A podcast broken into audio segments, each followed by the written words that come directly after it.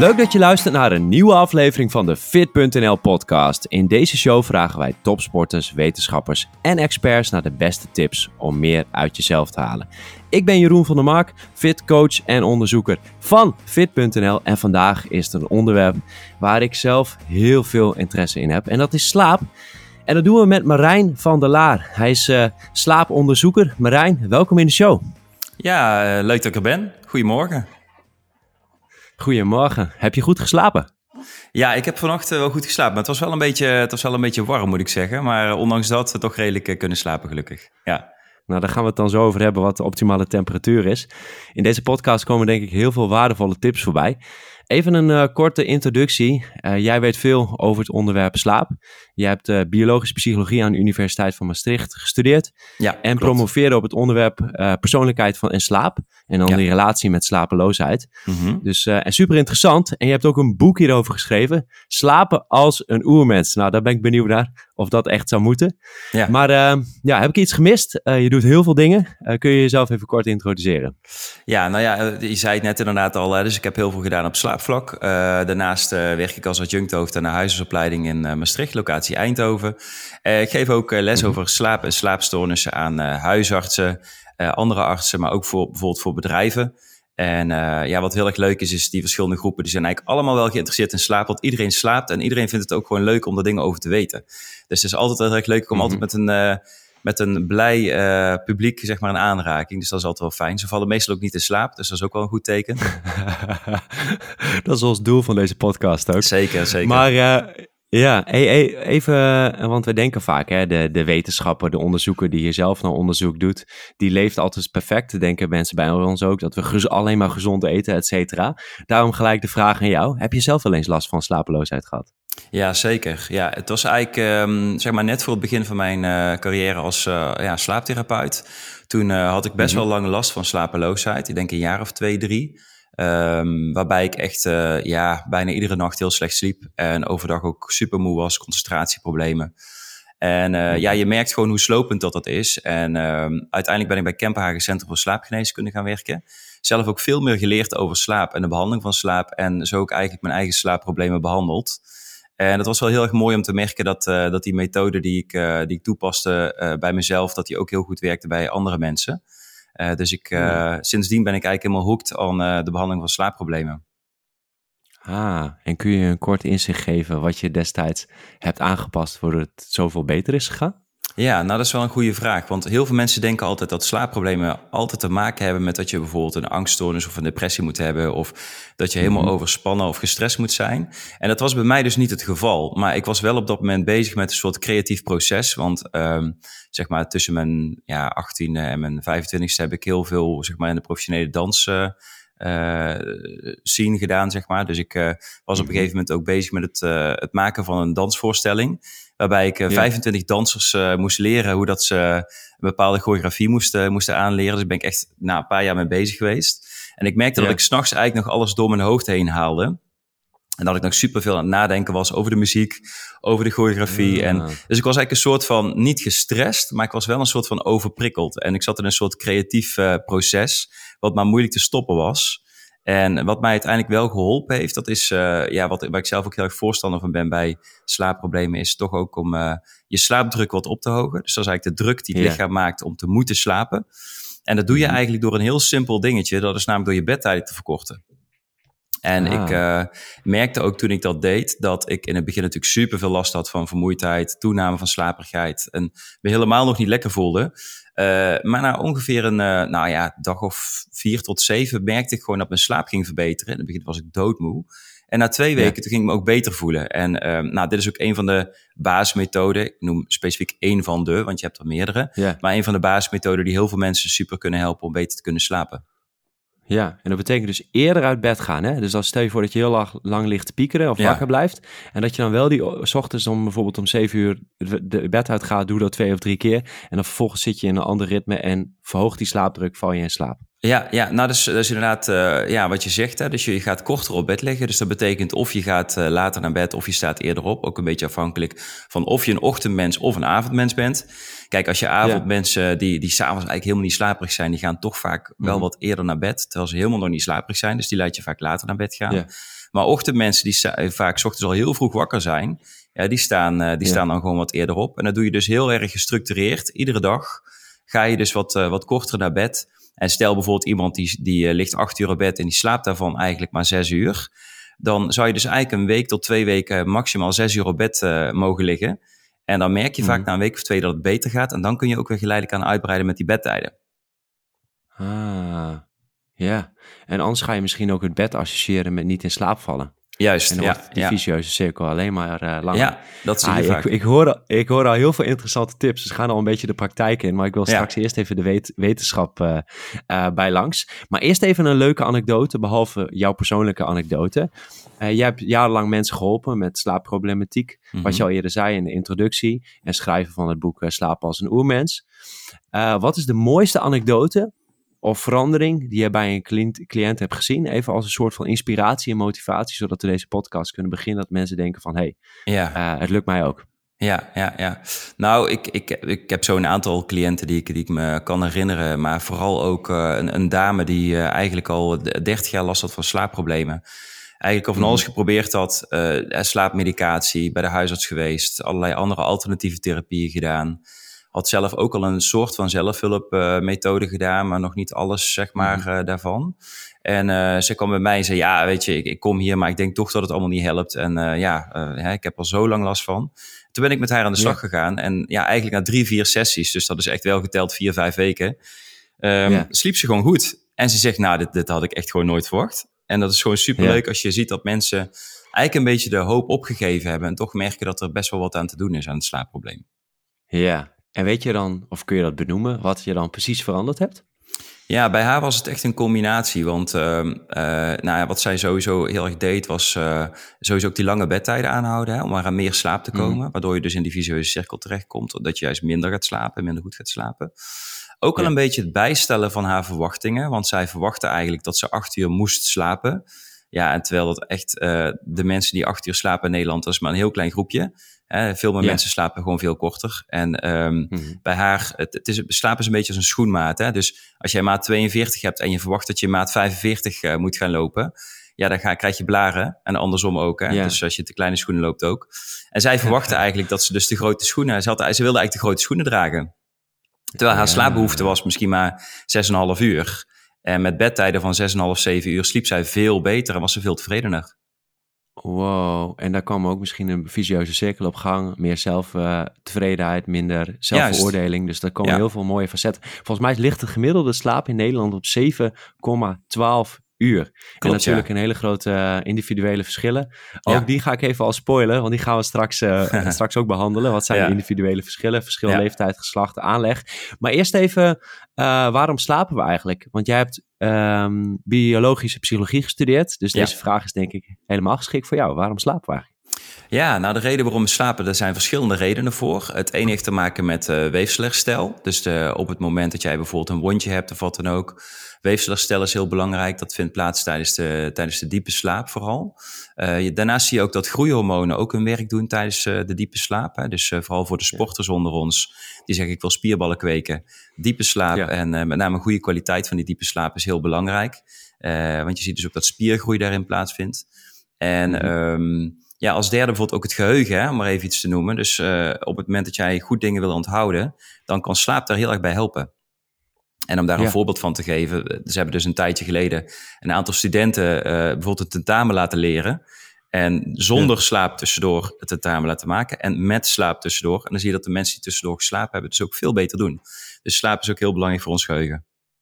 Ah, leuk. Nou, die zetten we even in de, in de show notes. Als je mij die link nog later kan sturen, dan plaatsen we die er even bij. Dat is goed. En dat mensen het interessant vinden om dat uh, uh, te lezen. Ik heb ook wel eens gelezen dat, en dat is nog een beetje voorop, vooruitlopend uh, onderzoek. Volgens mij is nog niet helemaal duidelijk wat er precies in de hersenen gebeurt met slapen, maar correct me if I'm wrong. Mm -hmm. Dat er een soort van opschoningsmechanisme slaap uh, plaatsvindt in de hersenen. Ja. En dat uh, zien we bij mensen die ook heel lang last hebben van slaaptekorten, dat ze ook weer hogere kans op dementie hebben, omdat het schoonmaakproces onvoldoende is. Klopt dit ongeveer wat ik zeg? Nou ja, het schoonmaakproces klopt inderdaad wel. Hè. Dus wat je ziet is dat, dat inderdaad de afvalstoffen worden afgevoerd hè, in, de, in de slaapperiode. Mhm. En wat je ook ziet is dat er ook mentaal gezien, hè, de, ehm, dingen die voor ons belangrijk zijn, bijvoorbeeld qua geheugen, die worden ook letterlijk beter vastgezet. En dingen die minder belangrijk zijn, die worden als het ware ook ja, een soort van gedelete. En dat vindt ook allemaal tijdens onze slaapplaats. Dus eigenlijk is er een soort van selectieprocedure tijdens onze slaap. Waarin wij dingen die belangrijk zijn voor onze overleving bijvoorbeeld, dieper ah. opgeslagen worden en andere dingen dus eigenlijk weggegooid worden. Um, de link met dementie, ja, er is heel veel over te doen geweest. Alleen uh, het punt is een beetje dat je door het onderzoek wat er gedaan is, niet kan zeggen dat slecht slapen dementie veroorzaakt. Want het zou namelijk ook samen kunnen gaan met een beginnende dementie. Hè, dus het, Precies. Dus er is een. Kip er is mogelijk, Juist, ja. Het is dus een associatie. Er is geen kausaal verband gevonden nog. Tussen zeg maar slecht slapen en dementie. Dus dat is wel een hele belangrijke om mee te nemen. Ja, heel goed. Dus uh, gelijk een stukje wetenschapseducatie, want dat is waar we met deze podcast ook naartoe willen. Oorzaak, ja. gevolg, relaties, associaties uitleggen. Dus heel mooi dat je dat uh, benoemt. Um, wat gebeurt er dan precies in je hersenen als je dus dan minder goed slaapt? Zijn er dan echt negatieve effecten die er plaatsvinden? Stel je voor, ik zou structureel in plaats van de acht uur die ik dan nodig heb, ja. naar 4,5 uur gaan. Zie je dat dan ook echt op hersenscans of wat gebeurt er precies? Ja, ik denk dat als je gaat kijken wat zijn nou de effecten van echt jezelf depriveren van slapen, want daar heb je het dan over. Mm. Dus eigenlijk een normale slaper die zichzelf dwingt om veel te kort te slapen. Uh, overigens dat percentage van mensen die zichzelf dwingen om te kort te slapen is veel kleiner dan het percentage mm. wat mensen met slecht slaapt. Hè? Dus de mensen met slapeloosheid. Dus je hebt het hier over een hele kleine groep.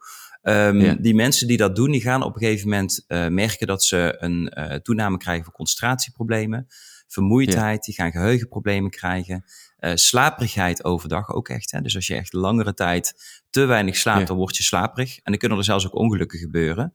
Dus uh, ja, dus, dus ja, ik denk dat echt te kort slapen is ook wel een belangrijk punt. Als je het idee hebt dat je te kort slaapt, probeer dan eens een tijdje je bedtijden uit te breiden juist. Ja. Ja, Mooi. Ik uh, weet ook vanuit onderzoek, en daar zit weer een hele vicieuze cirkel. En daar is dat holistische perspectief ook zo belangrijk. Dus dat heel veel factoren met elkaar meespelen. Is dat bijvoorbeeld armoede is een hele grote voorspeller voor obesitas. Maar daar zit bijvoorbeeld ook een stuk, kan ook bijvoorbeeld een stukje slaap in zitten. Iemand mhm. heeft uh, stress om rond te komen, slaapt minder goed. En als gevolg van die slechtere slaap is de impulscontrole minder. Want ja. dat weten we uit onderzoek. Doordat je slechter slaapt, is je impulscontrole. Ik zelf als personal coach grijp eerder ook naar een pizza als ik minder heb geslapen. En natuurlijk is een pizza één keer goed, maar ik zie dat mijn impulscontrole minder is en dat ik toch meer voor die ja, bewerkte voedingsmiddelen ga. En als mhm. gevolg misschien in een hogere uh, energiebalans uh, kom. Dus uh, in een hogere energieinname. Dus je ziet hier, er zitten allerlei indirecte uh, relaties Juist, tussen ja. slaap en negatieve negeneffecten, waar mensen dus niet van bewust zijn. Dus de volgende keer voor de consument, als die luistert, heb je een keer wat minder geslapen, wees bewust van dat je impulscontrole en dat daardoor dat ook weer een gewichteffect kan hebben. Ja, ik, ja. ik maak hier een heel lang verhaal van, nee, maar resoneert het nou, bij jou? Nee, maar zeker. Je, bedoel, je, hebt, je hebt zeker gelijk. Hè? Dus wat we weten is inderdaad impulscontrole, oplossingsgericht denken bijvoorbeeld, wordt ook uh, aange, aangetast op het moment dat je mensen echt depriveert van slaap.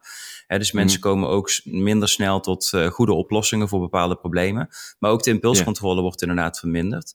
Um, wat we wel zien is dat ook het uh, onderzoek naar slaap en obesitas. Hè, want voorheen werd er altijd gezegd, ja, kortere slaap uh, zorgt voor obesitas. Maar ook als we gaan mm -hmm. kijken weer naar langdurige uh, wetenschappelijke studies op dat vlak, die zijn er eigenlijk nog niet echt.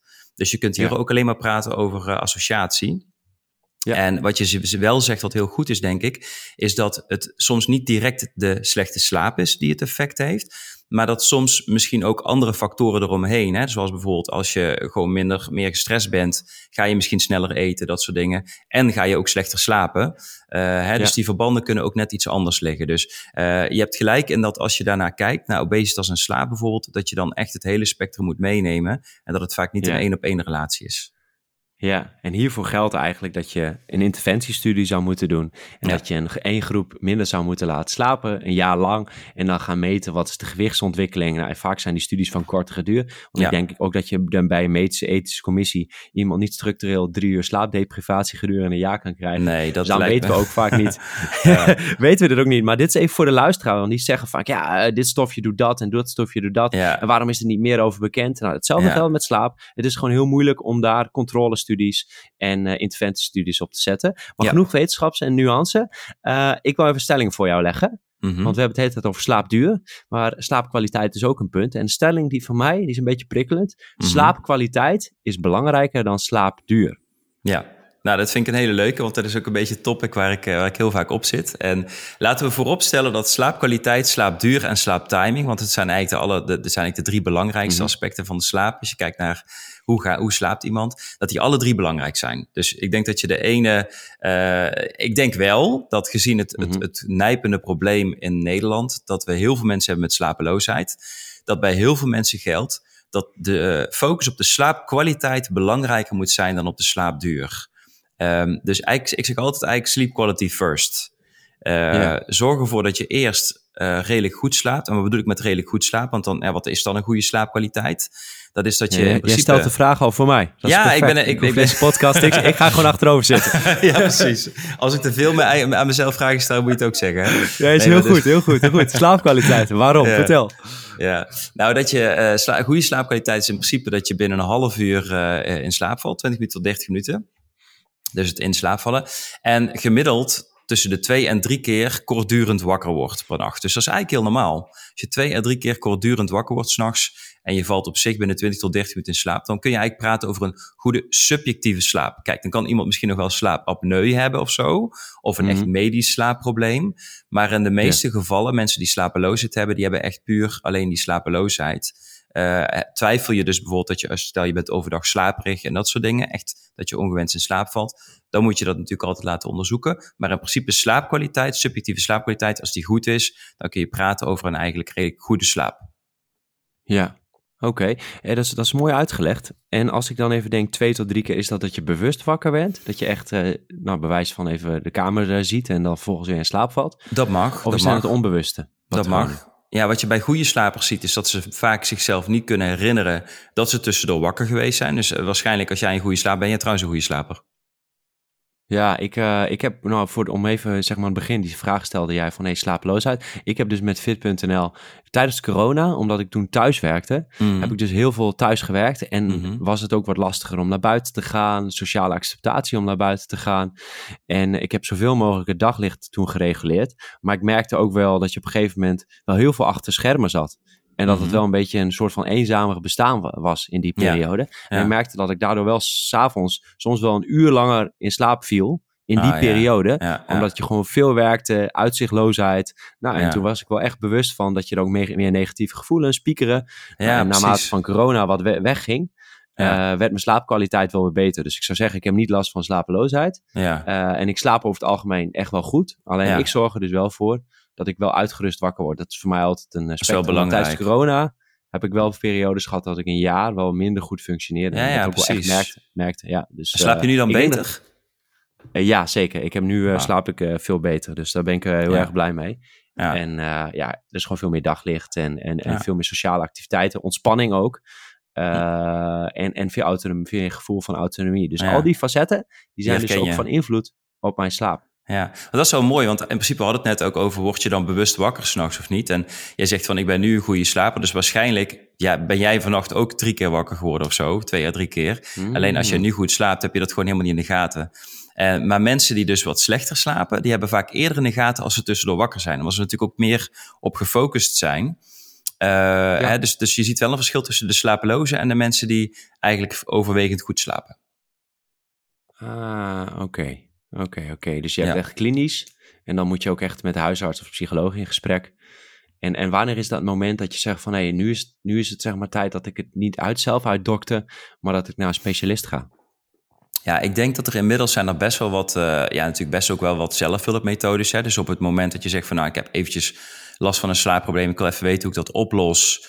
Hè, ik heb het al een tijdje en je hebt eigenlijk nog niet echt een zelfhulpmethode geprobeerd. Hè, dan kun je bijvoorbeeld het boek hè, wat ik geschreven heb, Slaap als een oermens, kun je gebruiken. Mhm. Daarin staan mhm. gewoon een aantal stappen die je zelf kan doorlopen ook om uh, weer beter te kunnen slapen. Uh, stel dat je die ja. zelfhulpmethode hebt geprobeerd en je zegt van nou weet je, ik kom er toch nog niet even lekker uit. Dan kun je sowieso een afspraak maken met de huisarts. Uh, ja, ik school sowieso ook huisartsen vaak na in de diagnostiek en behandeling van slaapproblemen. Um, yeah. En ja, heel veel huisartsen die hebben ook volgens ook een NRG-standaard. Dus een standaard waarin ook de behandeling van slaapproblemen beschreven staat. Die wordt nu gelukkig een beetje aangepast. Dus uh, die wordt yeah. nog wat meer uh, to the point en nog wat, wat duidelijker voor de huisartsen. Uh, maar dat zorgt yeah. er wel voor dat, dat mensen vaak goed geholpen kunnen worden bij een huisarts. Ah, mooi. Ze... Wat, ik wel eens, wat ik wel eens hoor hè, bij huisartsen ja. is dat ze heel snel medicatie om gewoon, oh, hey, neem dit pilletje en dan slaap je beter. Of zit ja wel gewoon doorverwijzing naar bijvoorbeeld een vitaliteitscoach of, of een slaapexpert zoals jij, dat dat een tussenstap is die gedaan wordt? Of zeg je, oh, dat, mm. dat gebeurt wel te vaak, die medicatie? Nou, ik denk dat, uh, dat we een hele slag gemaakt hebben. Ik denk als je echt teruggaat naar bijvoorbeeld een jaar of 10, 15 geleden, toen, toen werd slaapmedicatie best wel veel en vaak voorgeschreven. Als je nu gaat kijken naar de mhm. richtlijn, dan wordt het eigenlijk in de meeste gevallen afgeraden. Ook omdat je ja. natuurlijk mensen zelf wil leren om beter te kunnen slapen. En als het zonder medicatie kan, liever dat. Hè? Want slaapmedicatie is eigenlijk geen slaapmedicatie, maar anti-waakmedicatie. Dus uh, ja. het zorgt er eigenlijk voor dat je ja, zeg maar weg bent. Maar je, ja, de kwaliteit van de slaap is eigenlijk ja, vaak slechter onder invloed van slaapmedicatie. Dat weten de meeste mensen ook niet. Ah. Um, en uh, dus we hebben daar best wel een slag in gemaakt. En wat je nu ziet is dat huisartsen zelf ook eigenlijk heel erg aan de slag aan het gaan zijn met behandeling van slaap. En dat ze dat ook heel goed kunnen. Want huisartsen ah, zijn bij, bij, uitstek denk ik relatiespecialisten en mensen die, uh, die heel goed weten hoe ze mensen kunnen motiveren.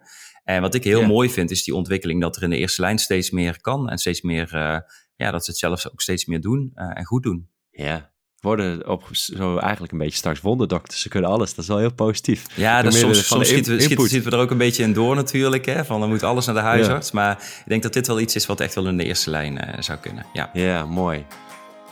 Voordat we verder gaan met de show, wil jij meer leren over krachttraining en sportvoeding? Het optimale uit je training en leefstijl halen? Aan de slag met effectieve trainingsschema's? Start dan met Fit Premium. Ga naar fit.nl slash start of check de show notes voor de link naar de Fit Premium ledenomgeving. Hierin leggen we je stap voor stap uit hoe je het maximale uit je training en voeding haalt. Met complete cursussen en schema's gebaseerd op de laatste wetenschappelijke inzichten. We gaan onder andere uitgebreid in op alles dat jij moet weten en je vindt de beste trainingsschema's met meer dan 100 opties voor zowel thuis als in de sportschool. Plus een uitgebreide community met advies van een team van professionals. Ben je benieuwd? Ga naar fit.nl/slash start en start vandaag nog. Of ga naar de show notes voor de link. Nu terug naar de aflevering. Hey, en we hebben het al een beetje over slaapkwaliteit gehad en wat het dan is. Maar je hebt dus ook verschillende fases in je slaap. Non-rem, mm -hmm. remslaap. Wat is nou karakteriseerd? Je hebt diepe slaap waarmee je gaat dromen. Wat, wat is nou echt sowieso een, een minimale behoefte? Welke periode is het belangrijkste om te zeggen van hey, hier is sprake van echt slaapkwaliteit. Ja, nou ja, wat, als je het hebt over slaapkwaliteit, dan ga, heb je het eigenlijk over een goede samenstelling. Hè? Eigenlijk een goed boeket van remslaap en diepe slaap en lichte slaap. Dat zijn eigenlijk de, de drie belangrijkste slaapfases, zeg maar, of de drie slaapfases. Uh, die wisselen elkaar dus heel erg af. Ja, het ligt er een beetje aan hoe je naar de slaap kijkt. Als je, als je kijkt naar de slaap uit het oogpunt van overleving, dan is het eigenlijk ja. vooral belangrijk dat je de eerste 4,5 tot 5 uur slaapt. Redelijk aaneengesloten. Ja. Um, want daarin vindt de meeste diepe slaap plaats. En die diepe slaap is heel erg belangrijk voor weefselherstel. Is heel erg belangrijk dus voor spiergroei, zoals ik net al zei, voor het geheugen. Ja. Maar uh, er is ook een reden waarom wij waarschijnlijk de eerste 4,5 uur zo diep slapen. Dat is dat als er een gevaar dreigt of wat dan ook, dat je dan na 4,5 uur ook weer door kan. Stel dat je de ja. hele nacht diep zou slapen, acht uur lang, dan loop je natuurlijk eigenlijk ook acht uur gevaar. Hè? Want uh, ja, als wij slapen, dan kunnen we natuurlijk helemaal niks. We kunnen niks signaleren. Uh, we zijn een prooi in principe. Hè, de, de, laatste keer dat ik keek had ik geen grote klauwen en uh, kon ik niet heel erg hard rennen. Nou, ik kan redelijk rennen, maar niet zo hard als de meeste roofdieren. Ja, je, bent, je, doet wel aan krachttrainen. Ja, nou, dus rennen is niet mijn sterkste kant. Ik ben, ik ben ja. een sprinter, zeg ik altijd. Geen lange, geen lange ja, duur lopen. Maar nee, dus, dus als je kijkt, dan, dan zie je ook dat die eerste 4,5 uur, dat dat eigenlijk de meest belangrijke slaap is. Maar dat wil niet zeggen dat die droomslaap en die lichte slaap ook belangrijk, niet, niet ook belangrijk zijn. Want droomslaap is bijvoorbeeld weer heel belangrijk voor je emotionele verwerking. Hè, dus, uh, en daar vindt het meeste van plaats in de tweede helft van de nacht. Nou is het wel zo, stel, jij zou in een tijdelijke crisissituatie zitten waarin je even heel kort slaapt, uh, dan kan het lichaam dat best wel aan. Hè, het lichaam is best wel gemaakt om tijdelijk met stress om te gaan. Maar ga je jezelf mm -hmm. echt te lang depriveren van slaap, ja, dan kom je echt droomslaaptekort, wat lichte slaaptekort. En dan kun je dus ook weer op andere manieren daar negatieve effecten van ervaren. Ja, en als je dan een, een soort van threshold, een drempelwaarde moet geven, dat dan, wanneer, komt, wanneer wordt dat te veel? Hoeveel nachten? Ja, dat ligt heel erg in je slaapbehoefte. Hè? Dus uh, we hebben het straks al heel even kort over slaapbehoefte gehad. Hè? Dus um, mm -hmm. als we kijken, de gemiddelde persoon slaapt inderdaad ongeveer zeven uur in Nederland. Hè? Uh, een beetje normaal verdeeld. Dus uh, hè, als je zes uur slaapt, kan het voor heel veel mensen ook nog heel erg normaal zijn. Kijk, als jij een slaapbehoefte yeah. hebt van zeven uur en je ligt maar vier uur op bed, kom je drie uur tekort. Maar als jij bijvoorbeeld een slaapbehoefte van vijf en half uur hebt, dan, dan scheelt het maar anderhalf uur. Dus dat zal zeker uitmaken wat jouw natuurlijke slaapbehoefte ook is daarbij. Ja, ik wil hier nog een, uh, een feit of fabel met jou debunken. Dit is een beetje mijn theorie. Die kan ik licht staven met de artikelen die ik erover gelezen heb. Ik vind dit namelijk een super interessant onderwerp. Mm -hmm. We weten dat een dag en nacht, uh, iets, dat mensen die iets meer naar de nacht, uh, dat die daar beter functioneren. Mm -hmm. Wat een ander bioritme hebben. En wat meer mensen richting de ochtendritme. En ik weet ook dat je daar best wel in kunt aanpassen dat je lichaam heel adaptief is. Ja, maar ja. vanuit genetisch perspectief, hè, je had het net over dat jij dan s'nachts uh, geen klauwen hebt en jezelf kunt verdedigen. Zou het zijn vanuit evolutionair biologisch perspectief dat we allemaal een iets genetische print hebben en dat sommige mensen misschien meer een avondmens zijn, zodat we als groep kunnen functioneren. Dat er een aantal mensen zijn die wat meer s'nachts wakker zijn, doordat ze de groep kunnen beschermen. Mm -hmm. En dat mm -hmm. daarom vanuit de ja, evolutionaire uh, biologie we allemaal zo ontwikkeld zijn met variatie. Ja. Ja, nou, ik denk dat, dat, zeker, dat je daar zeker een, uh, gelijk in hebt. Ik denk dat een aantal dingen die hebben gemaakt dat wij ons in de nacht hebben kunnen, hebben kunnen overleven eigenlijk. Hè? Dat, en, en een van die mm. dingen is, er moest natuurlijk altijd één iemand uh, of meerdere personen waakzaam zijn. Want er kon natuurlijk ja. altijd gevaar dreigen. Mensen sliepen vroeger op de grond. Um, en ja, weet je, er kon altijd gevaar dreigen van roofdieren of vijandige stammen of wat dan ook. En het leuke is ook, ze hebben dus ook onderzoek gedaan naar een, naar een stam in Afrika, de Hadza-stam. En daar volgens ja, dus ook. Die, ja, ken je dat? Ja, die zijn hier ongeveer ja, 30 ja. stamleden. En dat als je gaat kijken van hoe lang slapen ze nou eigenlijk allemaal tegelijkertijd, dat dat vrijwel nooit is. Er is altijd wel iemand wakker. En ik denk ja. dat de variatie in wanneer je dus uh, van, uh, vanuit jezelf in slaap valt en wakker wordt, dat die heel belangrijk is mm. geweest voor de overleving. Want daardoor was er inderdaad altijd wel iemand wakker. Maar ook de slapelozen. En dit is altijd wel grappig als ik dat tegen mensen zeg. De slapelozen zijn waarschijnlijk ook een van de redenen geweest waarom wij het overleefd hebben. Omdat als je slapeloosheid hebt, ben je gewoon meer alert s'nachts.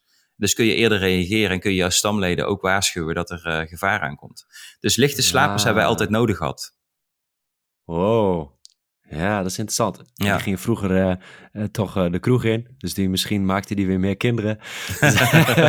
ik kan allerlei relaties bedenken. Maar super interessant. Ik ken dat toevallig het onderzoek van de Hadza. Die zetten we ook even in de show notes. Vandaar kwam ook ah, ja, mijn theorie. Leuk. Dus dat is wel leuk. Dat komt allemaal ja. bij elkaar. Ja, zeker. Um, we hebben al heel veel besproken. Even over Nederland, hè. Uh, zijn er verschillen in slaapkwaliteit tussen landen? Want ik zou zeggen, in Nederland zeggen we al, als je met iemand spreekt uh, in je omgeving of bij een feestje en zeggen, oh, ik heb het zo druk. Iedereen heeft het overal druk. Ja, ja. Uh, kan het zijn dat we daarom in Nederland wat slechter slapen ten opzichte van bijvoorbeeld iemand die in Costa Rica woont? Ik noem maar een land wat wat relaxed ja, is. Eigenlijk best wel grappig, want ze hebben dus, nou, er is onderzoek gedaan naar verschillende landen en daarbij hebben ze dus gebruik gemaakt van een soort van die Fitbits. Hè? Dus gekeken van mm -hmm. hoe lang slaapt ongeveer iemand. Want meer zegt zo'n ding ook eigenlijk niet. Hè? Die fases en zo, dat is eigenlijk allemaal niet betrouwbaar. Um, mm. Maar daar vonden ze dus dat Nederlanders eigenlijk heel erg lang slapen. Dus wij zijn best wel een lang slapend wow. volkje. Dus dat tussen die zes en acht uur normaal verdeelde slaap, zeg maar, dat is eigenlijk aan de, aan de lange kant. Hè, er zijn echt uh, volkeren die slapen maar gemiddeld iets van uh, zes uur, zes en een half uur. Dus we doen het eigenlijk nog niet zo heel erg slecht. Die Hadza-stam overigens, die sliep ook gemiddeld yeah. maar zes en een half uur of zo.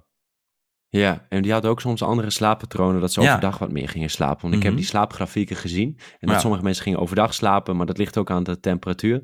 Ja, klopt. Ehm, dus is er een bepaald percentage van de mensen wat echt helemaal afwijkt? Ik weet dat er een genetische variatie is. Ja. Volgens mij Arnold Schwarzenegger, die heeft wel eens gezegd... ja, ik heb maar vier of vijf uur slaap nodig... en dat helpt me met mijn productiviteit. Daarom moet jij ook dat doen. Nou, heel veel mensen gingen, gingen dat vervolgens doen... en bouwden helemaal geen spiermassa Hij zei van sleep faster of zoiets, toch?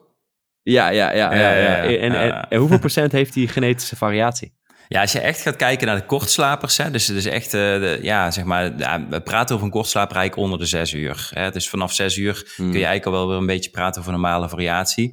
Dan zie je dat het ongeveer, ja, dat zit, dat zit rond de 5, 6 procent ongeveer. Dus dat is niet heel erg, uh, heel erg groot.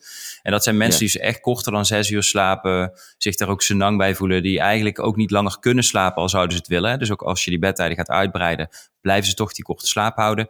Ja, en wat je eigenlijk ziet is dat het vaak een beetje super efficiënte slapers zijn. Hè? Dus dat zijn slapers die, die heel goed en heel mooi aan gesloten diepe slaap kunnen maken. En uh, ja, die zijn dan gewoon weer klaar. Die zijn helemaal opgeladen en die kunnen weer door. Wow. En zijn er dan ook nog verschillen? Want aanleg speelt een rol. Zijn er bijvoorbeeld ja. uh, verschil tussen mannen en vrouwen? Um, als je gaat kijken naar kortslaper, langslaper, niet zozeer. Um, het is wel zo dat vrouwen vaker een slechtere slaapkwaliteit rapporteren. Dus 2 staat tot 1 ongeveer. Vrouwen zeggen eigenlijk van ja, er zijn twee keer zo vrouw, veel vrouwen in Nederland met slapeloosheid. Uh, Dus dat zien we wel vooral. en ah, naarmate okay. je ouder wordt, zie je natuurlijk ook hè, dat de, er is eigenlijk meer fragmentatie van slapen. Dus mensen worden vaker wakker tussendoor, gaan ook ietsjes korter slapen vaak. Um, mm -hmm. En ja, slaap compenseren dat vaak ook weer met dutjes overdag en zo, als je echt naar de echt ouderen gaat. Dus uh, ja. Ja, ja, zie ik bij mijn ouders ook. Die dan, ja. uh, vader die is, is nu wat overdag gewoon soms wat slapen. En ja. slaapt s'nachts volgens mij wat korter, dus die haalt het dan in. Heb je ook een idee waarom dat bij vrouwen uh, de hoeveelheid slapeloosheid in percentages hoger ligt? Ja, nou ja, dat is, dat is eigenlijk een, een beetje een, een vraag die valt ook toe te passen op andere dingen, zoals bijvoorbeeld depressie of angststoornis. Dat zien we ook meer bij vrouwen voorkomen. En wat ze hmm. eigenlijk denken is dat de uh, slapeloosheid, net als depressie en angststoornis, dat dat meer een soort van internaliserende uh, problemen zijn. Dus mensen die, die gestrest of gespannen zijn, dan slaat het eigenlijk eerder naar binnen. Zo moet je het eigenlijk een beetje zien. Terwijl bij mannen mm. zien we veel vaker dat ze wat roekelozer worden, wat meer acting out, wat meer uh, yeah. uh, hè, wat geïrriteerder kunnen worden, misschien wat bozer kunnen worden, met dingen kunnen gaan gooien, met dumbbells op de sportschool en zo. En dat, yeah. dus, dat, ja, dus dat zie je bij mannen eerder. En bij vrouwen zie je dat dus eigenlijk dat meer naar binnen gaat. Ja, Oh, interessant. En jij hebt hier onder andere ook een artikel over gepubliceerd. Ja. The Role of Personality Traits in Insomnia. Mm um, en dat gaat dan al echt natuurlijk om, om problematische uh, slapeloosheid. Ja. Maar zijn er nog meerdere persoonlijkheidskenmerken die geassocieerd worden met een slechte slaappatroon? Ja, wat ze, wat ze eigenlijk zeggen uh, in onderzoeken um, is mm. dat uh, over het algemeen mensen die slecht slapen wat neurotischer zijn. Dus wat spanningsgevoeliger, om het maar zo te zeggen.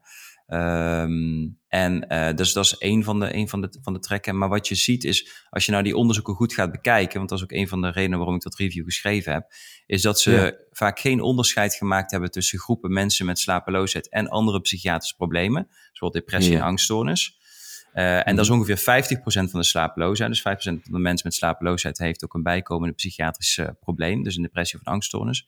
Dus 50% ook niet. Maar die mensen die dus geen bijkomende psychiatrische uh, problematiek hebben, die 50%, ja. die laten juist hele normale persoonlijkheidskenmerken zien. Dus heel gemiddeld. Ah. En, dus je moet wel echt onderscheid maken tussen van, is er nou ook angst en stemmingsproblematiek die erbij komt? Want dan ja, dan zien we vaak wel eerder dat er bepaalde persoonlijkheidskenmerken mee samenhangen. Als het puur en alleen een op zichzelf staand slaapprobleem is, dan zien we dat dat eigenlijk helemaal niet heel veel verschilt van de mensen die geen slaapproblemen hebben. Ah, interessant. Dat is heel interessant. En nu voortbordurend over het neuroticisme. Er zijn vast mensen, en dat had ik zelf ook tijdens corona, omdat je dan zoveel achter schermen zit en zoveel thuis, zo weinig sociale activiteiten. En dat je dan wat meer begint te piekeren. Ja. Um, maar dat zal nu ook wel voor mensen zijn. En dat, mm. ik denk dat het ook wel na, samen kan hangen met dat, dat beetje neurotisch gevoel, gedrag. Ja.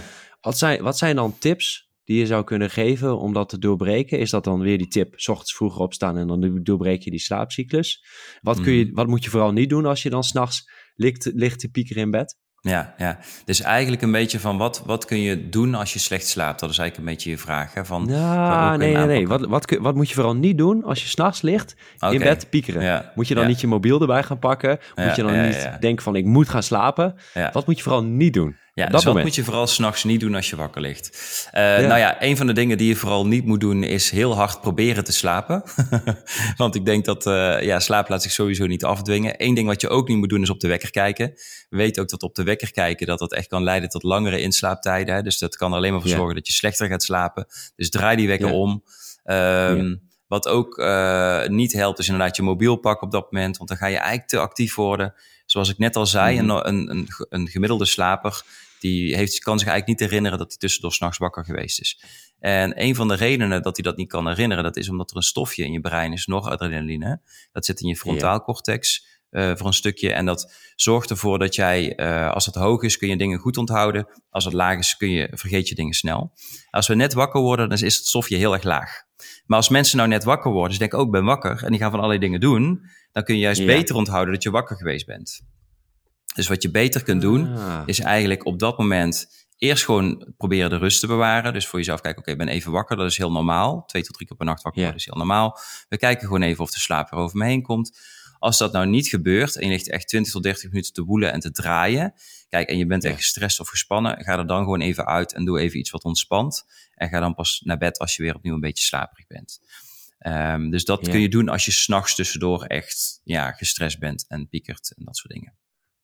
Ja, dus eigenlijk gewoon niet blijven liggen. Ik vind die van de wekker omdraaien vind ik een hele goeie. Ja. Want dat is een hele makkelijke trick die je kan doen. Ik heb met een coachingsklant uh, om het mobielgebruik in bed te verminderen, hebben een als dan plan opgesteld. Ah, als ik naar bed ga, dan leg ik mijn telefoon leg ik buiten mijn slaapkamer, net onder de hoek, zodat je wel het als wekker kan gebruiken en dat je echt wel mhm. wakker wordt. En dat je de deur gewoon op een kiertje doet. En dan is de telefoon is niet in bed, dan kun je ook niet mm de tijdstip zien, maar dan is het alsnog wel de wekker. En vervolgens dat gedrag laten monitoren.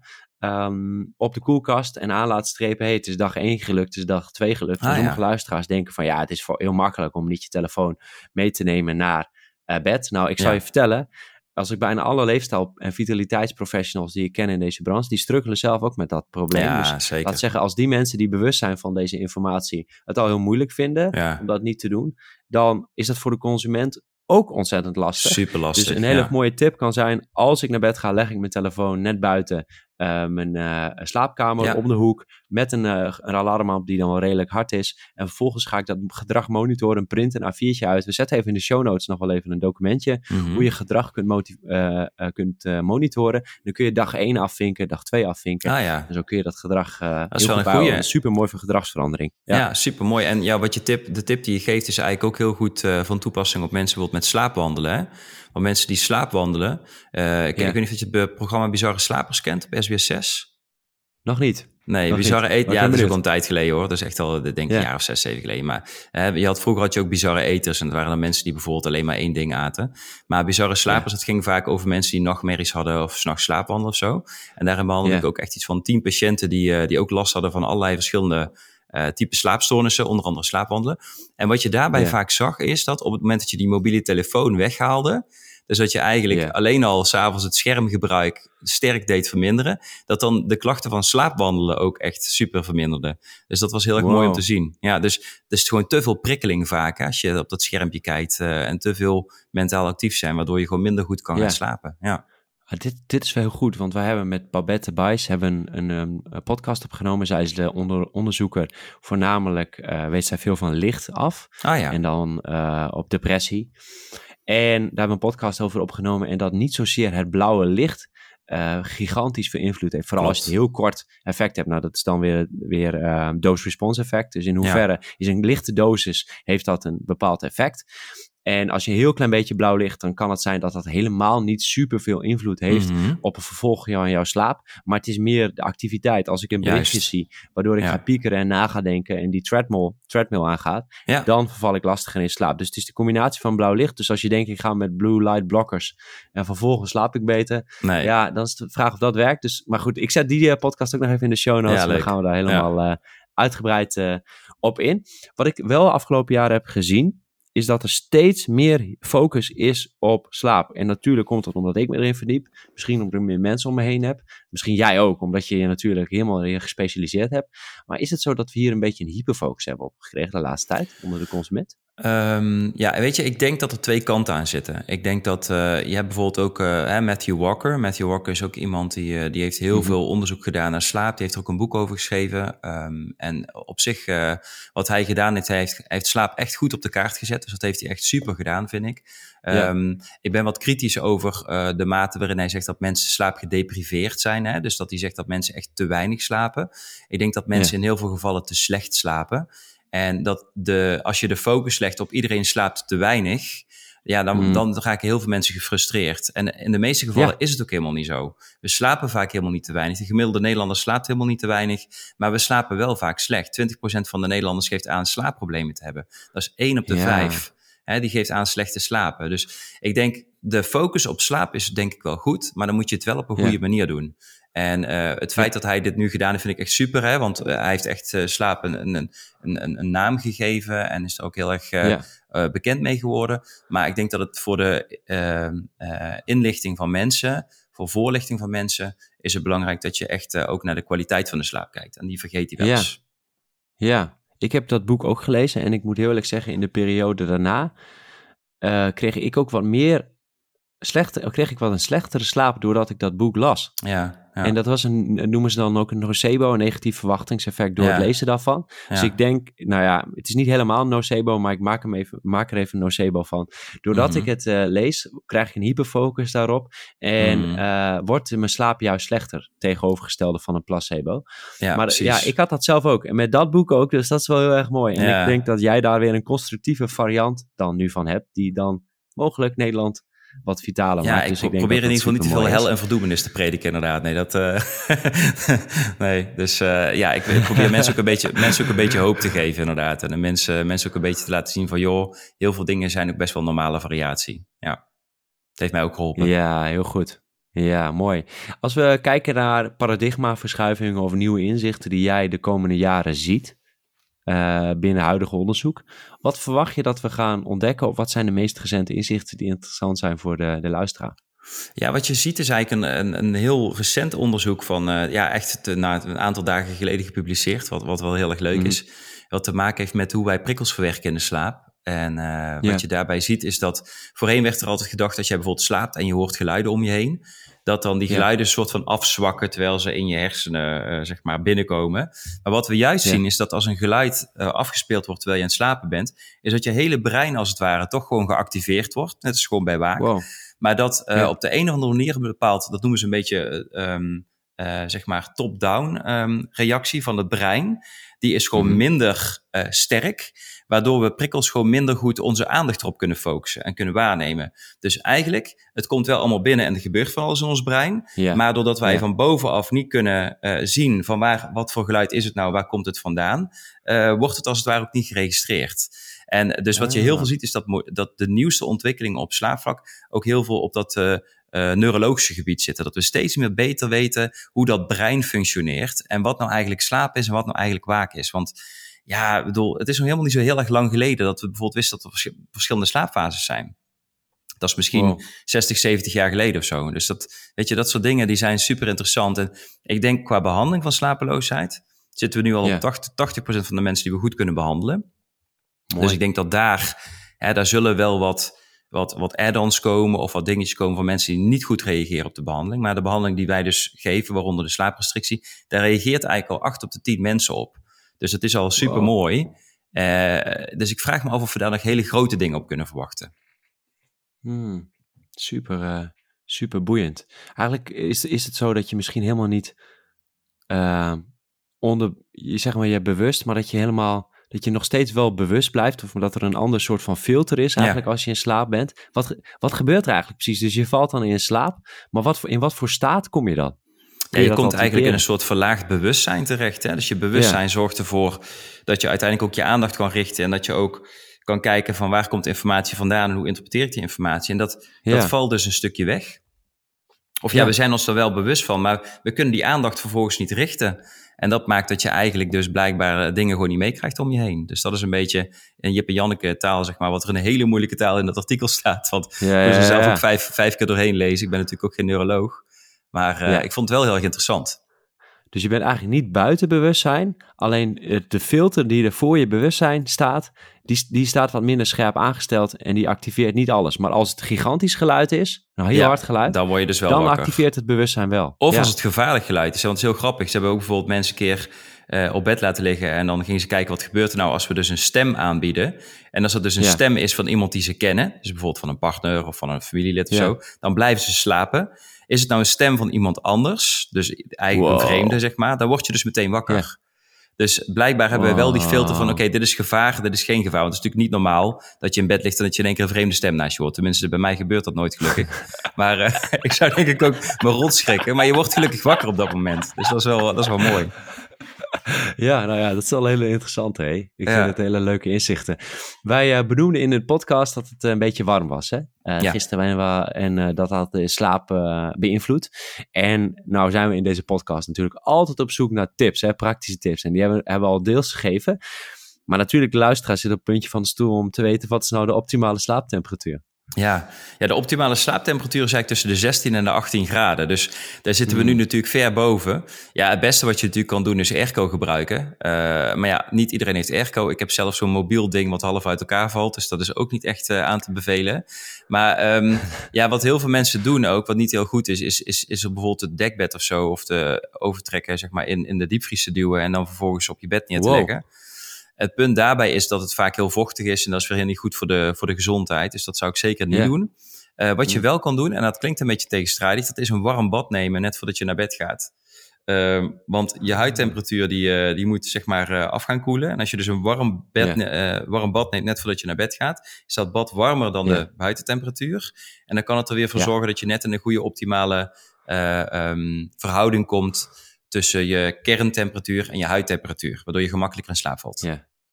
Ja, en warme douche zou het ook helpen, denk je? Ja, warme douche ook misschien. bijvoorbeeld. Ja, ja zeker. Ja. Ja. Ja, leuk. We hebben, ik had dus, eh, wat zijn de meeste t- gemaakte slaapfouten? Nou, we hebben dus nu even de warmte besproken. Ik wil niet te veel praktische tips, maar wat is nou nog één tip uit je boek die je nog niet hebt benoemd in alle andere antwoorden die we hebben gegeven? Oh, nog een andere tip die ik... eh, ja, wat zie ik veel mensen weer de kijken. vraag over gehad. eigenlijk. Dat is eigenlijk de lastigste vraag, want ik heb al best wel veel verteld. Eh, even kijken. Ja, ik denk, ik denk stress. Joh, joh, weet je, heel veel mensen die zijn overdag de hele dag door aan het rennen. En die komen thuis en die hebben dan nog sociale contacten. Dan gaan ze naar nog sporten en dan gaan ze misschien nog een beetje werk doen. En dan duiken ze in dat Mhm. bed en dan, en dan verwachten ze eigenlijk dat ze meteen in slaap vallen. Nou, een van de dingen is, als je 20 tot 30 minuten nodig hebt om in slaap te vallen, is dus normaal. Dat punt één. Hmm. Maar eh, eigenlijk ook zo'n zeg maar anderhalf tot twee uur voordat je naar bed gaat, moet je eigenlijk al een beetje cooling down doen. Hmm. En dat betekent, eh, je maakt het goed donker in je, in je woonkamer voor zover het mogelijk is. Je gaat niet Ja. meer hele spannende dingen doen. Eigenlijk anderhalf uur tot twee uur voordat je naar bed gaat, die mobiel al wegleggen. Dit wordt helemaal moeilijk voor de meeste mensen.